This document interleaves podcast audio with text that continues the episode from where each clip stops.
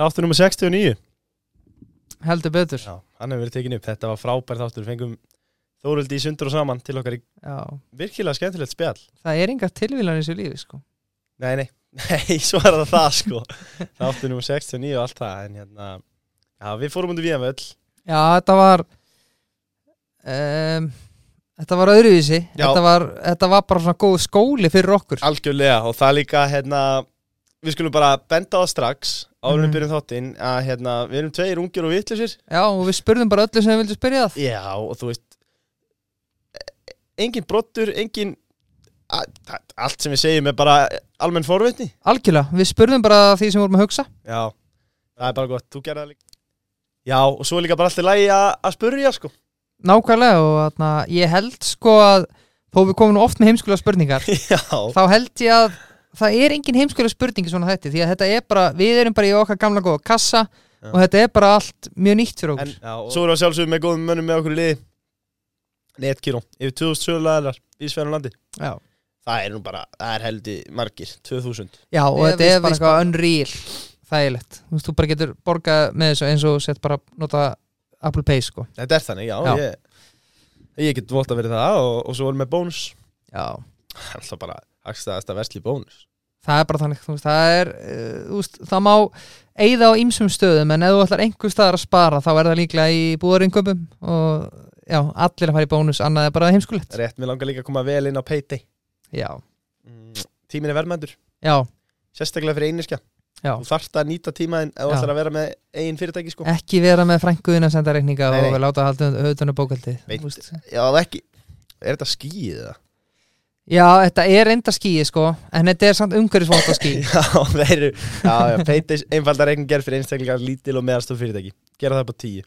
Mm, Barjón Mosso, Já, enski boltin var að hæfiðast og um að gera, kíkja bara í Jafnvel eitt bauk og Já. eitt, brí og léttul og, og burger. Hljómar heldur verð uh, Messin, besti fiskurinn í bænum. Endilega kíkja á fantasy deildir okkar. Já, Fekk góða mót ykkur fekk mjög, já. já. og fekk alveg svona rosalega, já, mjög góða mót ykkur En að ef við viljum gangi hana þá er það Chessa the Dark Rildarar á Facebook. Já, og þetta einmitt, finnir þetta í gegnum Facebook síðan okkar. Já, Við ætlum við líka, já, vera duglega að posta þar. Já, algjörlega. Og uh, hvað fannst þér skemmtilegast í sem þetta? Sko, það sem ég fannst kannski skemmtilegast var uh, að því að ég hef hlustað á viðtöl við hana áður, hana Þórildi Já, og maður er oft sko að öskra á skjáin sinn heima á sér, að því að maður er með svo marga spurningar. Mm, mm, mm, og þarna gatt maður bara svara hann og hún var með opið mæk mm. og ég var að spyrja. Og mér fannst alveg þarna margt áhugavert sem að ég gætt allavega það var margt sem að var svona velgjast fyrir mér sem ég langaði að spyrja hana. Sem ég held ég hafa alveg náð að gera og ég held ég hafa náð að svara ímsum spurningum sem að þarna fólk er að pæla í sko. Þú veist, kannski ein spurning sem ég spóili aðeins. Uh, mér fannst til dæmis áhugavert að spyrja hana hvað gerist ef hún eignast uh, barn með öðru manni en eigi manni sínum? Mm. og hún kom bara með mjög gott svar af því eins og öll önnur svör, hún stóð sig alveg frábælega Ekki spurning.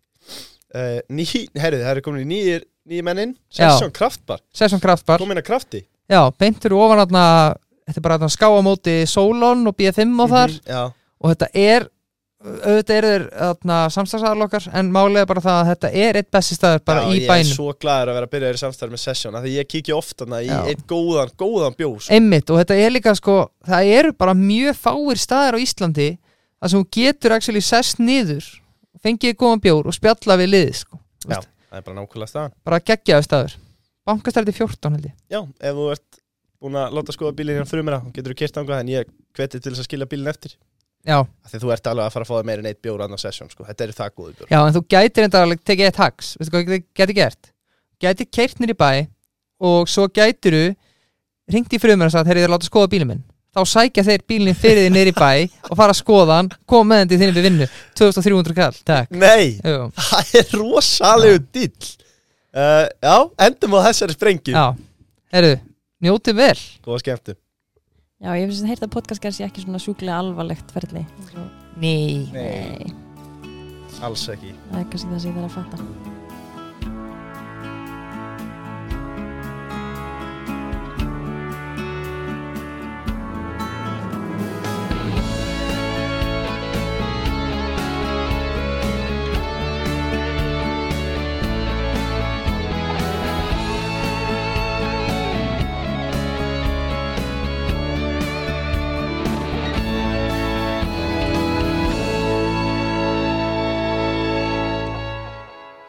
Já, heldur betur, við erum mætt Verið velkomin, bæði, Þóruldur, þú sérstaklega Já, takk fyrir. Gaman að fá þig Já, takk fyrir búið. Búið lengi, lengi leðinni. Já, Já. lengi bígerð ákvaðum aðeins að það var náttúrulega alveg hitta áður en um daginn fínt að leiða því aðeins að kólna svo Já. mæti nú aftur og fáum alveg hitta aftur í gang sko. Já. Mjög gott. Og tíma meiri. Já. uh, Þóruldur Magnúsdóttir, sambandsraukja Ég fjölkær sambönd og alls konar sambönd Mm mm,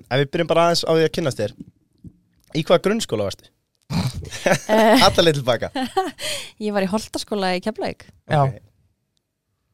Og, nöstin vel, eða hvað? Já, það var aðeinslegt. Mm. Bara stansa stuð og gleði, sko. Og síðan MR Svo MR, já. Já. Já. Gengur sér fyrir MR Já, ég var sko, ég var svo rosa klár.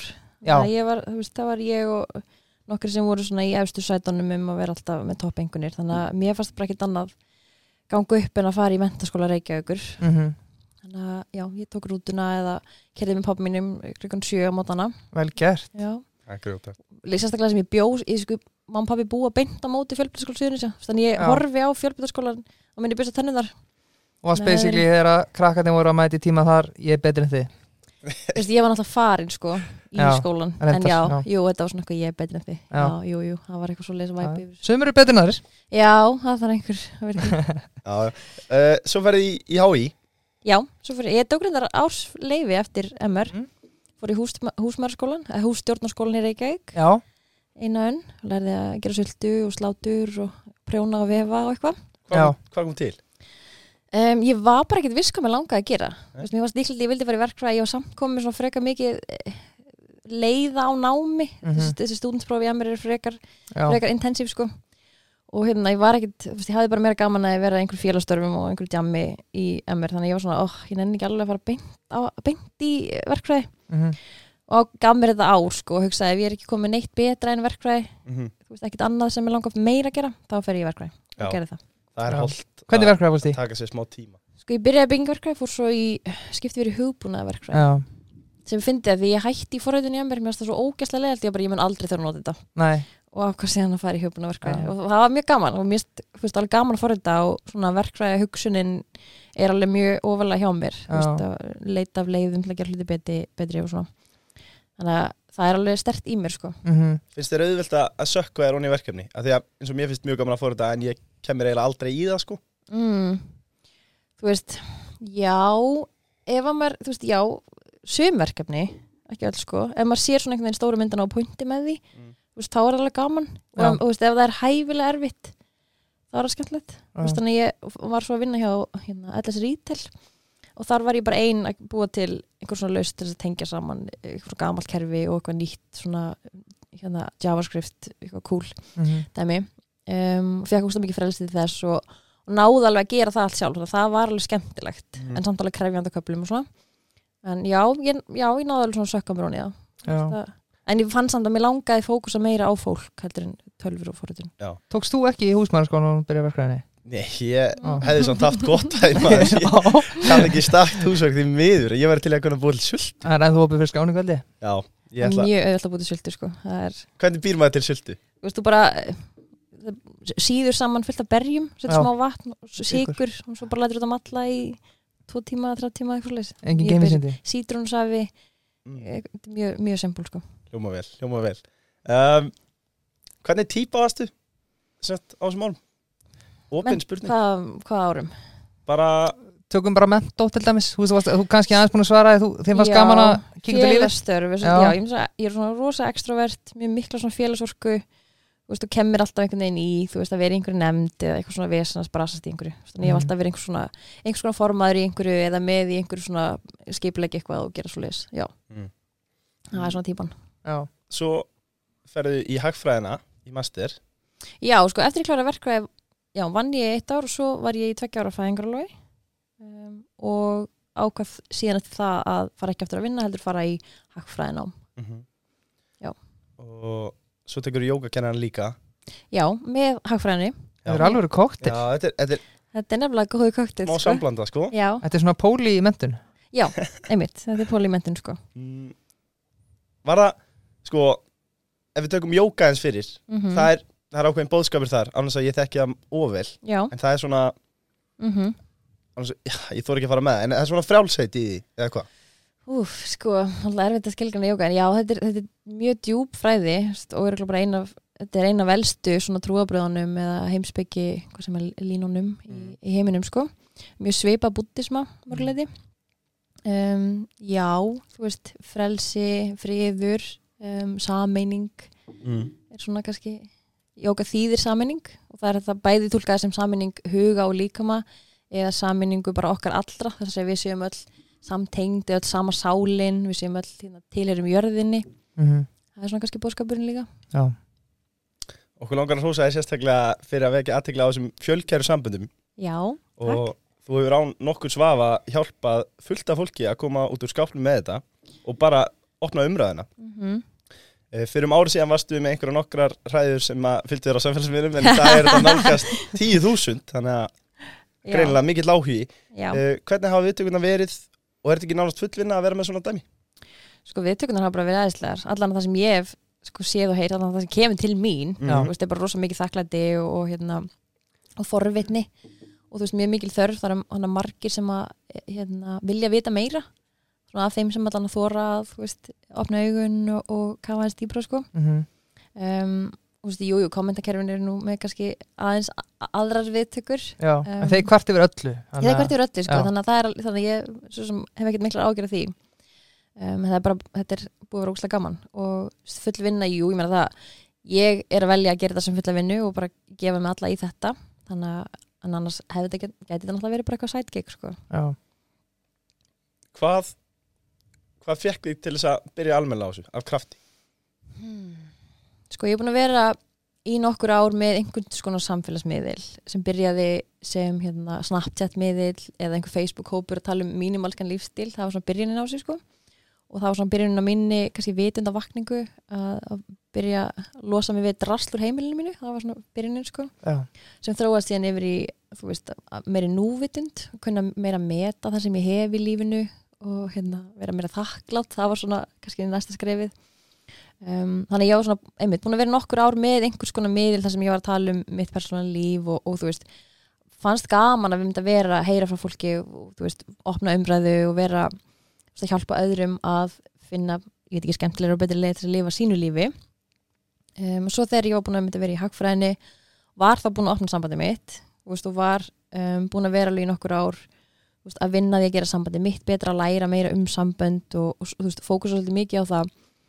Um, fann ég bara hvað mér fannst þetta skipta miklu máli og þú veist, mér fannst það var eiginlega þú veist, ég var búin að, vera í hagfræði og verkfræði og vinna eitthvað við það og, og þú veist, gera einhver rannsóknir og skrifa rítger og eitthvað, það var bara ekki jafn skemmtilegt. Veist, þannig að það var svona, þetta var kannski svolítið svona leap of faith að vera bara, já, mér finnst ógeðslega gaman að tala um, um líf og hamingju og, og þú veist, hjálpa fólki að njóta lífsins betur. og bara láta á það vaða að gera það full time Gera það sem manni finnst skemmtilegt. gera það sem finnst skemmtilegt í rauninni, já, já. Bara- Algjörlega. En þú sér ekkert eftir að veist, þú útilokkar ekkert kannski bara í framtíðinni þá snýrur aftur bara kannski að fara að vinna við eitthvað sem tengist inn í mentun eða eitthvað slíkt Nei, nei, jú, það er ekki neitt sko Mhm. og ég er ekkert eitthvað, og það er alltaf kannski líka búið að hluti af þessu að þú veist, jafnvel þó maður fari í eitthvað nám eða þú veist, eins og fari í nám eða hagfræða nám eða eitthvað, þá ertu ekkert búin að skuldbinda því út æfina að vera hagfræðingur eða vera eitthvað ákveðir, skilur mm -hmm. það bara, þannig ég tekur sér sem bara núna er ég að gera þetta, núna finnst mér þetta gaman og veist, þá ætlum ég að gera þetta núna Algjörlega Klárt. Lúpmenn, þeir ríða á vaði og þeir höggu eftir eftirvarandi setningu frá þér. Það er bara gleðefni ef annað okkar fer að deit með öðrum. Þú ert bæðið eiginmann og kærasta, mm, þú opnað sambandið fyrir fjórum árum síðan og hefur talað fyrir því að það hefur styrt sambandið ykkar. Mm, af hverju ekki bara frekar að hætta saman, ef við erum bara harðið núna? Já, þetta er bara, þetta er bara það sem allir hugsa okkur ekki bara að hætta saman. Okkur langaði bara ekki að hætta saman. Veist, það var ekkit að sambandin okkar. Og það var ekkit sem að veist, það var ekkit sem mætti þess að mér langaði ekki að vera með honum. Já, og þannig að veist, það er alltaf kannski það sem að fólk á erfitt með að hugsa sér um, að því við erum svo vönið bara það er, það er bara í bóða að vera með einni mannsku það er bara eina og besta leiðin. Þá finnst mér náttúrulega fárlegt að þegar að maður myndi vilja tengjast einhverjum öðrum eða þú veist, ég veit ekki eins og þú veist, í mínu tilfelli og hluta því þú veist að ég vildi líka vera með konum eitthvað þá þarftu bara að hætta með mannskjum svo með til þess að fá að gera eitthvað annað. Já, en sambandi okkar var bara gott og við höfðum bara fínt. Já. En, en þegar þú segir sko það var ekkert að mm en ef það hefði ekkert verið að okkur þurfti þá okkur að breyningu Já, það er alltaf máli að þú veist, ég hef ekki verið neitt að þá er þannig mín sín þannig að engin manneskja um, gæti uppfyllt þú veist, allt sem þú myndir vilja upplifa með nokkur annara mannsku út æfina þína. Já, þú veist þannig að um, sama hversu frábært sambandið er mm, þá er þessi manneski ekki að fara að geta gert allt sem þig langar til að gera líka með þér. Já, og það er kannski svona, þú veist, bottom line eða, en, en, þú veist, monogamy eða, þú veist, loka samband gengur svolítið út á að, þú veist, þú velur eina mannesku helst náttúrulega eina gæslega fullkomna mannesku Já, sem er, þú veist, sálufélaginn þinn já, og þetta er bara svona meant to be og hérna happy ever after. Um, sem, sem, sem gefur svolítið í skyn að það verði aldrei neinn vandamál og það verði allt bara æðislegt. Mhm, en það er aldrei þannig. Nei, það er alltaf eitthvað svona, þú veist, þú verður að hafa þessu þú verður ekki að hafa þessu. Og það er alltaf einhver svona einhver hluti sem ganga ekki fullkomlega upp. En það myndir bara frá ógeð þú ætlar að gera allt með sömu mannskinu alltaf skilji um, þannig að það að vera í opn sambandi býður bara með mögulegan að geta gert um, þú veist, allt sem þið langar og jafnvel þó það myndi innifalla annað fólk, eða þú veist, sér að vera með öðru fólki Mhm. og það sem þetta sérstaklega, þú veist er öðruvísi við það að vera í, veist, samband, pólísambandi eða þannig er að þá erum við að opna líka fyrir möguleikin á því að þú sért að rækta, þú veist, rómatísk samband eða stunda kynlíf með einhverjum öðrum veist, það, þetta tvent er náttúrulega það sem að við algjörlega útilokum uh, þegar við erum í lokuðu sambandi. Já, já, já, að þú veist, þú ert í lokuðu, sambandi þá máttu ekki vera hrifin af neinum öðrum og þú máttu ekki stunda kynlíf með neinum öðrum. Veist, þú máttu ekki flörta og máttu ekki, veist, kissa annað fólk. Það er það sem við náttúrulega bara er skilgreinir sambandið. Mhm, þú ætla bara að eiga þessu hluti með þessari mannsku já, Þetta er auðvitað líka þú ert að fara rétt að þessu, hvernig gerur þetta annars að særa hinn aðelan? Já, sko, ok, án að særa hinn aðilan um, þú veist, í öllum sambandi myndu særa makaðinn Mm -hmm. á einhvern hátt, þú veist, óvart eða viljandi. Um, þú veist, og það er bara hluti af því að vera manneska já, í rauninni. Um, en kannski það sem þú ert að tala um er ímyndið mér, þú veist, þess að særa ekki makan er að þetta er allt heiðalegt og allt upp á borðunum, þú veist, framhjáld alltaf særir sjúklega mikið, mm. Mm. þá ertu, þú veist, þú ert að ljúa, þú ert að fela. Það er svik það veist, það er náttúrulega, það særir rosalega mikið, það, það orðir reyna að rjúfa samning og, og það er þú veist, þetta er svona einhver ósynlegu samningur sem flest samband hafa án þess að hafa rætta um, þannig að það sem að kannski einmitt sambandin sem ég er að tala fyrir og, og, þú veist, er í, er að þá er þetta allt heiðalegt upp á borðunum. Já, ég var einmitt að fiska eftir því, að þetta er allt upp á borðum, Já. þetta er allt rætt og Já. mjög vel Já, er það kannski líka eitthvað sem að, að því við erum aðeins að tala um bóðskap inn í lókusambund, já, að skilgrina bara aðeins betur, þó þetta sé loka samband kannski, bara 100% var ógeðslega mikilvægt. Og ég hef einmitt tekið umræðum þetta á mínu hérna, Instagrami þar sem ég bara fiskaði eftir um því fólki, þú veist, hvað má og hvað má ekki samböndum. Mhm. og var þú veist, byggja um mm Mhm. tillögur skilur, hvað er eitthvað sem er svona á gráu svæði? Að því þetta, þú veist, þarna náttúrulega þar verður fólk sært. Já, þú veist, þar sem að einum finnst kannski allt í lagi að vera eitthvað svona aðeins að flörta á meðan hinum myndi finnst það hræðilegt. Og almennt er þetta ekki rætt. Þetta er ekki rætt þú veist, þannig ég tók bara svo góða umræðum með þetta og það var fullt, þetta var listi af hérna, alls konar atriðum og, og svo lítið fólk kjósa, sko, er þetta í lagi, er þetta ekki í lagi? Þú veist, bara já eða nei. Og það er mjög áhvert að skoða niður þetta er allt bara frá því að veist, fólki finnist þetta er 15% í lagi upp Ok. í eitthvað sem er, þú veist, upp í 90% í lagi. Varstu með eitthvað dæmið hann okkur? þú veist, eitt af því var að fara nakin í heitapott í partí. Og í rauninni ekkert af þessu var eitthvað sem var bara 100% já eða 100% nei. Já, þannig að í öllum samböndum þú veist, er, þetta var kannski listi yfir þú veist, 30 atriði var, Þannig negið, mjög var ekki negið hátt þar eða? nei, ég var hátt þar sko. Það var hátt þar. Og hérna, þú veist, eitthvað, að vera með aðgang á OnlyFans, það var mjög hátt nei þar.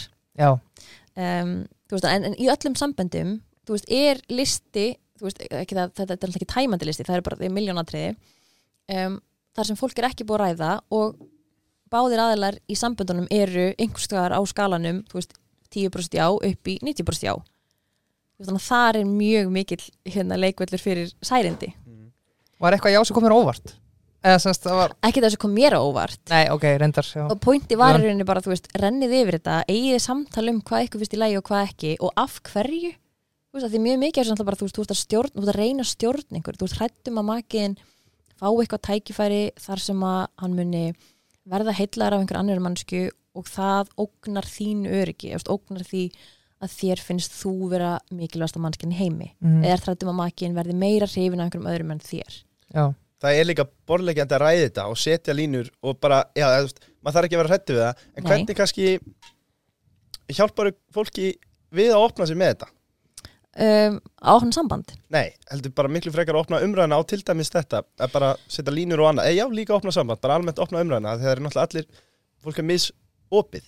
sko, já, þú veist ég tek alveg móti fólki í, þú veist, svona trún og viðtölskilurum og það er yfirleitt á fólk sem kemur með sérstætt vandamál sem það er að ræða.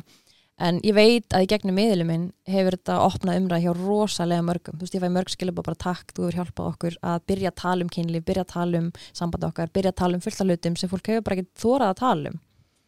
Og hérna, og mörg pör sem eru, þú veist, eru, þá eru skilur bæði í pörunum að fylgja fylgjast með og svo ræða, þú veist, þess að þau sjá bara, herri, sástu hún var að tala um þetta? Og taka þessi spjallið, þú veist, þannig já, það er að hjálpa.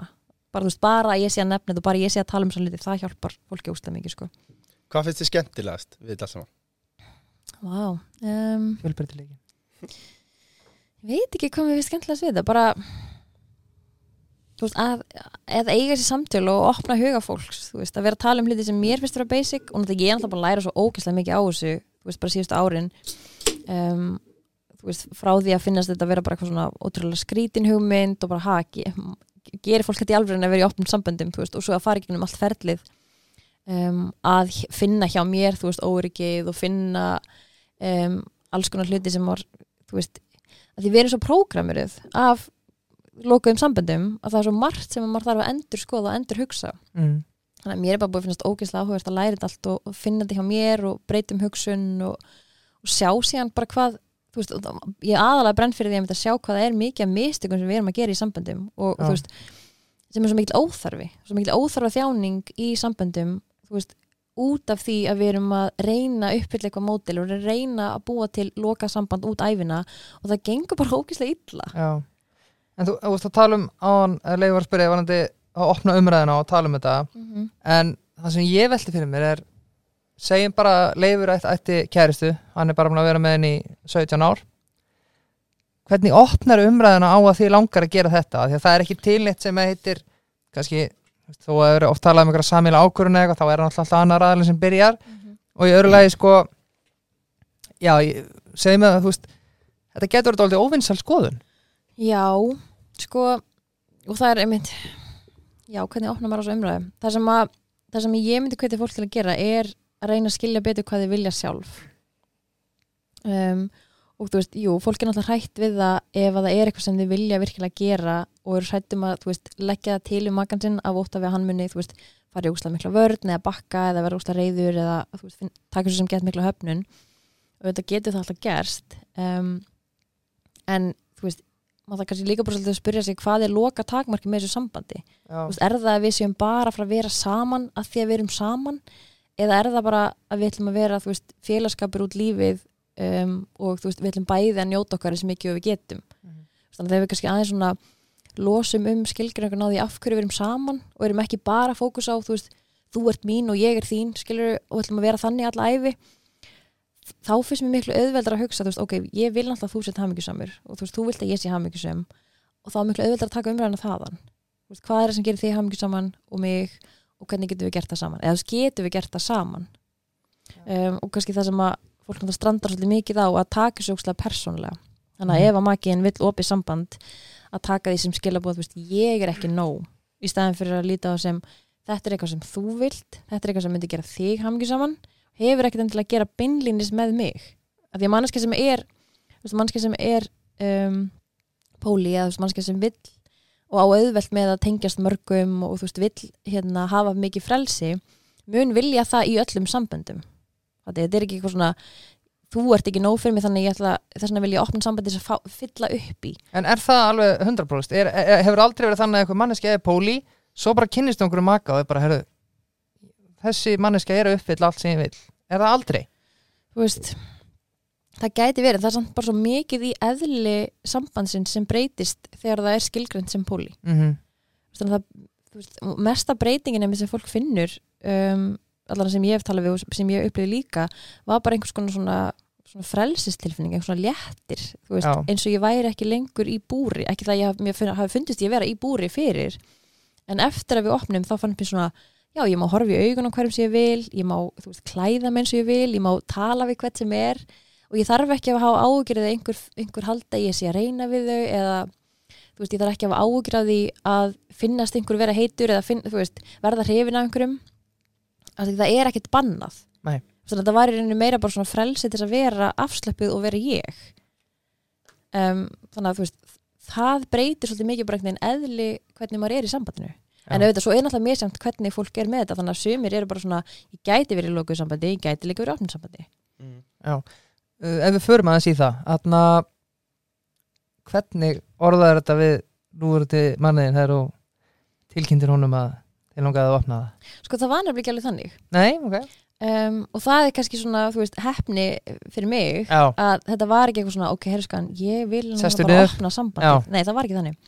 Um, þú veist, eins og ég sagði, við vorum bara frekar sátt með lífið og þú veist, áttum, áttum hann að tvö börn og um, ég var í fæðingarlofi og þú veist, það var bara svona frekar næst, þú veist, og, og eftir að eftir ég egnaðist fyrir svona okkar þá hérna fór ég að pæla óslega mikið uppeldi gæði mikið að fókus á það og eftir síðan einhver tíma var eitthvað, ok, uppeldi verður aldrei betra heldur en gæði sambandsfóreldrana þú veist, fannst mér, skilur, ég, að ég verð aldrei betri móðir heldur en hversu vel mér líður í sambandinu með Já. pappanum sem er alltaf hérna á heimilinu. Já, og fann þá bara, ok, það er fullt sem við þurfum að vinna í hér, skilur, og fór að pæli því. Þannig að ég var búin að vera í nokkur ára að vinna í því að gera sambandi okkar betra. Þú veist, við varum búin að fara í parraðgjöf og ég var bara búin að lesa fullt af bókum og vinna bara í því að þú veist, mér liði vel. Þannig að við, eins og ég segi, við vorum bara frekar góðum stað. En leiðir ekki vel eða? Jú, Já. já, nei, já, já, jú, mér leik kannski ekki sérstaklega vel já, þú veist, það, eftir að fyrsta bandi fættist, þá var þetta svolítið svona, ok, nú er ég bara búin að vera hérna mamma og bara búin að vera kannski. í námi og þú veist, já, já, ég held ég bara svona venjuleg fullorðis, þú veist, einmitt, svona hefði þú veist, já, eitthvað svona, ok, hva, hvert er ég að fara í lífinu, hver er ég, eitthvað svona bara, einmitt, freka basic, þetta var ekkert eitthvað Nei, mjög nei, tragic, nei, nei. sko. Um, þannig að já, við vorum bara freka góðum stað, bara ána með lífi og, og hérna sátt, sko, og svo er ég að spjalla við einhverja vinkona mína sem að fer að tala um það að, hérna, að hún sé að opna sambandi sitt. Og þá er ég bara svona, og býtum ha, og bara smá bara svona mind blown moment, bara, hvað gerir fólk það bara og hvað, má það og já, þá varst þú bara aldrei búin að heyra það hef aldrei bara að heyra um þetta. Nei, Þú veist, ég vissi bara, ég hafði heyrt af einhverjum, einhverju pari sem var í opnum sambandi og hvað er alltaf þetta langt síðan? Þetta var fyrir fjóra bórum, eða rúmlega fjórum já, ok, Þannig að hérna, þú veist, jú, eina, eina sem ég vissi um opinn sambandi var eitthvað svona fólk sem að reynir að fá stelpur í þrísom Já. sem ég fannst ekki mjög heillandi Já. slísi og ákveðin einföldun kannski í, Já, eða þú veist, það var bara leiðin sem þetta par fór skilur, Já. þetta var, þú veist einmitt, gott fyrir þau skilur en Frábært. Ekki hafði það ekki til mín skilur en hérna, hún var sérst bara að lýsa þessu póli, þessum polyamory hérna, hugmyndinni, þessum allt er bara upp á borðunum allir bara, allt í heiðleika og, og mér fannst það bara meika svo mikið sens og svo var nefnum að tala um, þú veist, við ráðum ekki hvort við verðum hrifin af einhverjum öðrum. Og, og þú veist, ég hafði lent í því um, löng, þú veist, nokkrum árum áður Mhm. að verða hrifin af öðrum gæja sem ég virkilega vildi ekki verða hrifin af. Þegar þú varst með mannu Þú veist, þannig ég hafði líka upplifað það að verða hrifin einhverjum öðrum þegar ég virkilega vildi það ekki og þú veist, mátti það ekki og skammast mér úrst mikið fyrir það og það var mjög óþægileg reynsla. Um, þannig að mér fannst þetta bara gett áhugavert þegar hún er að mér frá sig og umræðan byrjar rauninni bara þar við manni minn. Hún, er, hérna, hún er að, veist, þau eru að fara að opna sambandi sitt og hún er alveg ruggluð með þessi. Nei, þú veist, hún, hún reynda að segja ég hef sagt fyrst bara já, ég get aldrei gert þetta. Já, um, að það var eiginlega meira bara svo forvitt varstu samt svona doldið svona hann að testu votir, var svona, heyri, hún er bara að opna sambandi því, hún er alveg ruggluð þessi. Sko, Ha. þetta var nefnilega mjög þetta fyndið því að fyrst, fyrst greinlega sagði ég ég myndi ekki vilja gera þetta en mér fannst þetta svona ógæðslega áhugavert. Þannig að bara næstu dagar og eftir fóru bara að lesa allt í gat og, og þú veist, hlusta á podcast og bara vá, hvað þetta er áhugavert. Uh, og ég er alveg svolítið þannig típa, bara ég, ég finn eitthvað nýtt svona hobby eða þú eitthvað nýtt fyrir bara í þess að stúdira ekki segja konum minni hvað þessi podcast er þetta. Nei. Þú sendir mér bara skilabóð sko. en hérna já þannig ég er bara svona vá hvað þetta er áhugavert og bara las ókslega mikið um þetta og fannst þetta bara vera make ókslega mikið sens bara fullorðið fólk sem er bara að taka ábyrga já, hérna ákveðnum lífsitt um, og þaðan byrjar umræðan veist, þannig ég fyrir að tala um þetta og þá var ég ekkert eitthvað svona ég vil gera þetta. Nei, nei. þetta er bara okkur áhugavert. Við, veist, þá fórum við bara að tala um bara já, einmitt, þú veist það er náttúrulega svolítið gali, ég ætla bara að vera með einni mannesku alla æfi og veist og töluðum svolítið mikið bara um þetta á léttu nótunum. Já. þannig að það var ógst að þægilegt intro. Og fórum svo bara eitthvað að tala um okay, hvað værið þú til að gera? Og veist, við erum alltaf vorum 17 ára við byrjum saman, þannig að það er ekki svo við hefum átt eitthvað mörg áraði að vera, veist, að deyta og prófa alls konar. um, þannig að það var svona þægileg umræða. En svo Já. á einhverju tímpúti var augljóst að hann, honum var semisama hann er meira introvert heldur en ég og veist, ég hafði augljóslega meira áhuga á þessu veist, þannig að kom svona alveg moment þar sem ég var eitthvað, ok, heyrðu ef ég, þú veist, tek ekki eitthvað movie í þessu eða bið ekki um neitt, þá er ekkert að fara að gerast í þessu sennilega. Ný, Þannig að það kom svona alveg, ok, mér langar að gera þetta. Veist, ég vil að við gerum þetta. já, Þannig að það var kannski svona eitthvað moment, sko, en þá vorum alltaf búin að tala svo mikið um þetta, þannig að þá fór svona kannski mér alvarleik í þetta, voru eitthvað svona, ok, hvernig myndum við þá vilja gera það og hvernig, hvað væri við hrætt við og, og allt þetta. En ertu samt að þegar það er útbúið svona samkomulag munlega samkomulag er það samt ekki oft þannig þó að sé opið samband að það er kannski einhver mörk Þú veist, ég vil ekki að þessi maður uh, sé að hittast í mínu setnarviki eða eitthvað Jú, skilur jú, þú jú, og veist fólk bara gerir, þú veist, algjörlega það sem þeim líður vel með, sko. mm. En með það sem ég var búin að lesa á þessum tíma um, hérna, held ég bók sem heitir More Than Two, minni mig að það hann að komið, þú veist, því fleiri reglur sem hún setur, því fleiri reglur eru til að brjóta. Já, Og kannski svona stóra pælingin með þessu er að færa sig frá því að vera að reyna að passa inn í einhvern kassa. Veist, bara, við erum bara manneskjur, þú veist, ég ber verðingu fyrir þér, þú ber verðingu fyrir mér, við erum góðar manneskjur, við erum ekki að reyna að vera fíbl. Nei. Þú veist, það er svolítið svona bara að treysta hver öðru og, þú veist, slaka mér á. Þú veist, það fannst mér kannski vera svona stóra, stóra pointi með þessu. Um, en þú veist, tekur fólk þetta bara rólega og þú veist, það að opna saman þetta svona langan tíma, þú veist, þá eru búin saman í tíu ár það er þetta fullt af hlutin sem er að fara að breytast og auðvitað er þetta að fara að vera erfitt. Þú veist, það er fullt af tilfinningum í þessu og, og alveg helling sem maður þarf að prósessa og vinna úr og svona.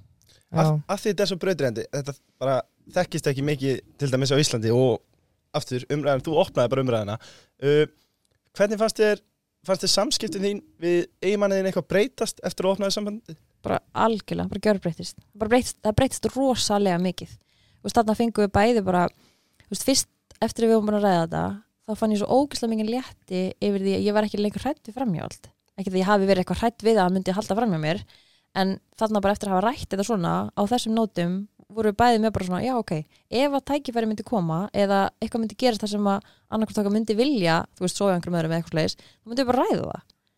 Þannig að það var svona það fór ógstlega mikið svona tension.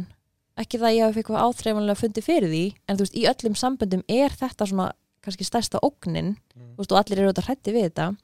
Þannig að það léttir svo mikið. Þannig að við upplifum bæði bara að við getum talað um hvað sem er. Já, að við þyrftum ekki lengur að láta eins og við sæjum ekki annað fólk eða láta eins og, þú veist, við vildum ekki neitt annað, skiljið. En eins og að vera í nánu sambandi með tveimur aðlum hvernig er til dæmis ef þið farið að, að rífast við annan? Mm og, og, og skilji kannski illu. Er það ekki auka tókstreita? Þegar þú- Jú, eða þú veist, ég meina bara alveg svo ef þú rífst við yfirmannið þinn og kemur heim í ótskapi Já.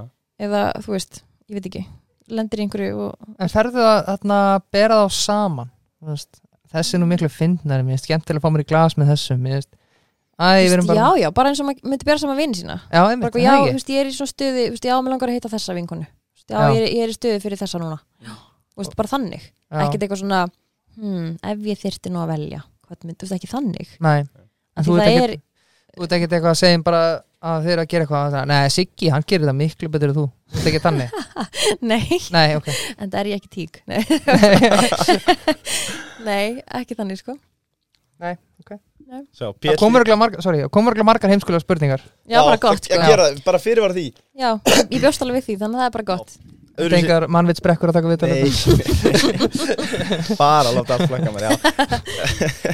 En PLT, það er okkur menn Prentlausnir. Leia prentara eða kaupa prentara? Kaupa alltaf. Alltaf kaupa, kíosera Er þetta líka umhverfisvænt fyrirtæki? Já. Skulum hafa, hafa það alveg á hreinu. Sko, Þetta virkar líklega ekki ef annarkur aðalinn er afbrísamur jú, jú, Já, það? já, það, þetta er eitthvað stærsta mítan eitthvað sem ég get ekki gert þetta því ég er svo afbrýðsum Já. en lokuð samband virka heldur ekki rosa vel ef annar mannskan er rosalega afbrýðsum og það er ekki gott, þú veist, ekki gott andrúsloft Nei, þegar að, og, og það er bara merkilega algengt já. að fólk leifi, í raun, já, reyni leifi afbrýðseminni bara að stjórna mm sem gerir verkum að, þú veist, makanum hætti til þess að segja í hvaða fötum á mig fara, í hvaða partíum mig fara þú veist, að þú þurfur alltaf að vita hvar makin er bara svo fullt af svona Er það ekki samt bara andlegt ofbeldi það er nefnilega held í flokka sem allir ofbeldi sko. ég er ekki sem allir viti það. En, en það er það sko. Mm og bara það er ekki gott að setja inn í því. Og það sem að líka aðstæður sem skapast þar eða geta, skapast er tilfinningin um, þú veist, ok, maður ekki með treysti mér ekki einu sinni. Já. Og það er alveg þekkt að fólk haldi framhjá þú veist, undir þessara pressu að því þú er hvort er með á tilfinningin að maður ekki treysti þér ekki. Þannig að þú veist, ég hef enga að tapa hann treysti mér hvort er ekki, við get alveg haldið framhjá honum. Já, en þú veist, það er kannski svona ekstrím svolítið, mhm, en þú veist kannski stóra máli með það að, að taka, veist, taka það að sér, taka það verkefni á sér að vera í opnum sambandi er að ætla ekki að leifa afbrýðsemin að stjórna. Já. þannig að afbrýðsemi tilfinningar sem allir geta upplifað og þú veist, það að velja yfir opnum sambandi er bara ok, ég ætla, ég ætla að læra að díla við þitt að þú veist, þetta þarf ekki að, þetta þarf ekki að skilgrana mig og veist, og læra bara að lifa með því. Skilja, þú veist, það er alltaf einhver svona dýpri meining kannski með því. Um, veist, þetta getur þýtt að sé kannski eitthvað óryggi í sambandinu, það sé ekki nóg mikil svona, hvað sem er staðfesting á ástinni eða að þú veist að það vanti eitthvað upp á í samskiptunum. Já, en það getur líka bara verið eitthvað svona innra óryggi mhm, þú veist, þannig að ef að, veist, ef að maður minn væri þú veist, hitt einhverja píu sem að mér finnist vera, þú veist, sætar en ég að þá myndi það kannski vekja upp óryggi mér ef að mér finnist ég ekki vera nóg sæt. Þú veist, eitthvað svona. Já, þú veist, þannig að og, og, það þýðir ekki þýðir ekki endilega að hann ætti þá ekki að gera það skilur, það er kannski bara að ég þurfi kannski bara svona að vinna með það eða kannski þarf ég að heyra frá honum að honum finnst ég sæt eða eitthvað svona. Já. Þú veist, þannig að það er bara hellingslega í því að læra að díla við afbrýðsemi Er maðurinn sem sagt líka í öðru sambandi? Þú veist, hann er alveg líka að hitta konur alveg sem ég, eða þú veist, hann er jafn frjáls til þess. Já, en heldurðu kannski, þetta er kannski hot take en heldurðu kannski hann hafi samtitt þetta því hann var hættur um að missa þig? Þú veist, það geta alveg verið, Já, ég veit það ekki. Nei, ég held samt ekki, næ, en ég meina þú veist, það er klálega ekki ástæða til þess að opna samband. En ég held samt að þú veist, það er, endilega, það er ekkit endilega slæmt að gera það ef að sambandið er gott og þú veist, þú ert hrættur um að, missa þennan maka og veist, ég held ekki að þú, þú veist kannski ekkit endilega svarið. Veist, eins og hann í þessum sporum veist, vissi kannski ekkit endilega hvort hann myndi vilja vera í sambandi og í rauninni vissi ég það ekki heldur. Þú veist, að tímabili Nei. var eitthvað svona, kannski er ég bara skilur, kannski myndi bara ekki svona vilja Já. vera með honum yfir höfuð. Um, þú veist, við vitum í rauninni aldrei almennilega svarið. Um, þannig að þú veist, ef að fólk er í þeirri stöðu að makiðin vil sambandið og þú vilt ekki gera það en þú vilt samt ekki missa þessa mannesku veist, þá er ekki rétt að svarið að fara á opna sambandið. Já. Við erum eina mjög góða spurningu hérna, þú veist ég sjálfur frá. Þessi er ekki heimskuli uh, Hvernig væri það ef þeir, er þeir ólétt eftir kærastæðin? Myndið þið þá búa öll saman eða hvernig er þessu háttað? ég, þú veist, akkurat núna er ég bara ekki að fara að eiga börn. Þannig að ég held að ég myndir bara að fara í fósturingu ef ég er dólið núna. Sama hver ætti þetta barn Ekki að skemmtilegt svar samt. Nei, ég veit það En þú veist, þetta er alveg mjög góð okkur spurning og Já. margir myndu, þú veist, einmitt vera bara með mjög, þú veist, mjög skýra reglu um að það megi ekki vera möguleiki fyrir ólittu með neinum öðrum heldur en, þú veist, þeim sem þú ert giftu með mm þú veist, og þá er það bara solid leið til þess að lifa, skilur, ef það er það sem skiptiði ógeðslega miklu máli Já. Vel svarað? já, Mm, Snertir aðeins á Sæði, kannski er ég bara lesbía uh, Þú hefur alltaf lagast að stelpum já Já. Já, bara alltaf, eða þú veist, þú vissið það bara mjög ung, sko og það var eini svona, eina tímabili sem ég íhugaði að hætta með mannum mínum var þú veist, þegar ég var, ég veit ekki 19 ára eitthvað, við vorum búin saman í tvö ár og ég hugsaði svona, ok, byrju, þú veist ég er samt aldrei búin að gefa hinu sjens Mm. veist, ég er aldrei búin að alveg testa þetta Já. og hérna en aftur, þú veist, þá langaði mig ekki að hætta með þú veist, það var Nei. engin, þú veist, hann var aðeinslegur sambandi okkar var geggjað, þú veist, við vorum bara glöð saman en það var bara þetta aðri svona, ok, hann er samt ekki skvísa, skilur ég á eftir, að- eftir að prófa það. hann er margt en hann, hann er ekki skvísa. en hann er ekki skvísa. Að það var svona eina mómenti sem ég var bara alvarlega íhugað að, að, hérna, að hætta með honum. veist, mann eftir að vinkonum mínu voru bara svona, en ertu ána með honum? Og þá var veist, þá veist, þorði ég ekki að segja eitthvað. Það er út af þessu. Um, þannig já, það var svona einmitt moment. Og það er kannski svona einmitt stór kostur við opinn sambönd að fyrir fólk sem er tvíkineitt eða þú veist, vill eitthvað meira heldur en bara það sem þú getur fengið með þessa einu mannsku þá er opinn sambönd frábær kostur. Já. Þú veist, þá getur fengið meira af hlaðborinu Hvernig var, hvernig var samt fyrsti dagurinn? Þegar þú búin að tilkynna þetta um kvöldið svo vaknar þau bara, fórstu bara smitten eða þú veist, fórstu bara að dara við alla í vinnunni lóðbeint eða, á smitten. Já, nei, ég man ekki alveg hvað. Jú, ég held við um, þú veist, opnað Tinder bæði, skilur og Já, eitthvað svona aðgangur fíblast. Nei, við vorum Já, að segja hvað, Nei, sko já. Þú veist, það var bara eitthvað svona En það sem að gerði samt bara í rauninni strax eftir við byrjum að tala um þetta var um, eins og ég líst á þetta frelsi og þú veist, ég hætti að rítskoða einmitt við Já. hvernig ég talaði eða hvernig ég horfði í augun á fólki eða, þú veist, Varstu lengi að venjast þessu, Þú veist, hvað tók ég langa tíma bara, bara svona með, að meðtaka þetta eða þú skilur hvað ég við myndi segja þessi ennþá að meðtaka þetta eða þú Já, veist, þetta það. er ennþá Já, þú veist, þetta er alltaf svona smám saman einhver skref sko og líka mynd bara þú veist eftir ég fór á fyrsta deiti eða koma aftur heim og þú veist vera að tala um það þú veist, það var ógst að skrítin tilfinning af því að þá veist, fannst mér náttúrulega eins og ég væri að gera eitthvað sem ég mætti ekki. Veist, þannig að þetta er, þetta er, eins og ég segi, þetta er svona og að flýsa laug sko, þetta er alveg, þú þarfst að svona losa um rosalega mikið af hugsanahætti sérstaklega eftir að hafa verið tíu ár í sambandi með sömu þannig að það er rosalega mikið sem þarf svona að flækja en þannig, þú kannski svarar þessu áðan þegar ég spurði en sérst, það er, þú, þú verður alltaf póli, það er ekki tannið þegar þú sjötu bara, en reyndar þá kannski verður þetta meira vesen kannski. Ég veit það ekki. Eða þú veist, skilur, fattar eða heldur þú kannski bara að þetta sé, þú ert bara ennþá ung og fesk og svo kannski þegar, þegar þú ert bara að fara að hætta að vinna, bara komin á 60-70 aldurinn, þá kannski bara að ég hef ekki að loka þess aftur. Nei, ég held nefnilega það, þú veist en það sem gerist, það kom alltaf löng tímabil þar sem að, þú veist, við erum bara bæði upptíkin við erum bara að fókusa á eitthvað annað og við erum ekkert að deyta. Þú veist, þannig að áður en ég kynntist, þú veist, kærastana mínum þá var ég ekki búin að fara að deyta í marga mánu þú veist, það var ekkert að frétta. Nei, þannig að einmitt, þú finnir líka vini mínu ofta eitthvað svona, ok, byrju, hva, og hvað er að frétta, hvað er að frétta? Þú veist, af því að það er allir bara eitthvað giftir og það er ekkert að frétta. Um, og aftur er það bara eitthvað svona, já, það er ekkert sérstaklega mikið að frétta. Nei, veist, bara, lí, við, veist, ég var að setja niður kartumlur eða þú veist, það Já, er eitthvað svona, já. lífið er bara boring. Þannig að þetta er ekkert eins Ekki og það sem varum vonast eftir að heyra kannski. Nei, og þú veist, það getur vel verið einhver annar sem væri með meira krassandi ástarlíf myndi hafa meira frá að segja veist, en kannski á þessu tímabili lífið minu er ég bara að fókusa á eitthvað annað og það er ekki það mikið í gangi.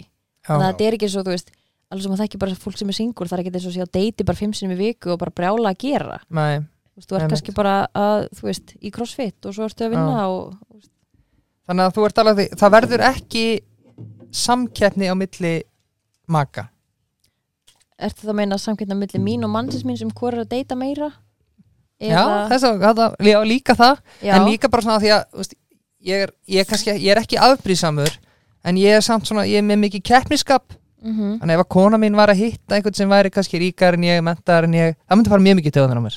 En ef þetta væri bara einhver, ef þetta væri bara einhver annar gaur, þú veist, þá væri, fattar það hvað ég á við? já, Kannski svipa ást að nefna fyrir aðna með einhver stelpa sem að hann var að hitta sem að því að Mhm. fyndi sætar en þú eða eitthvað skilur já.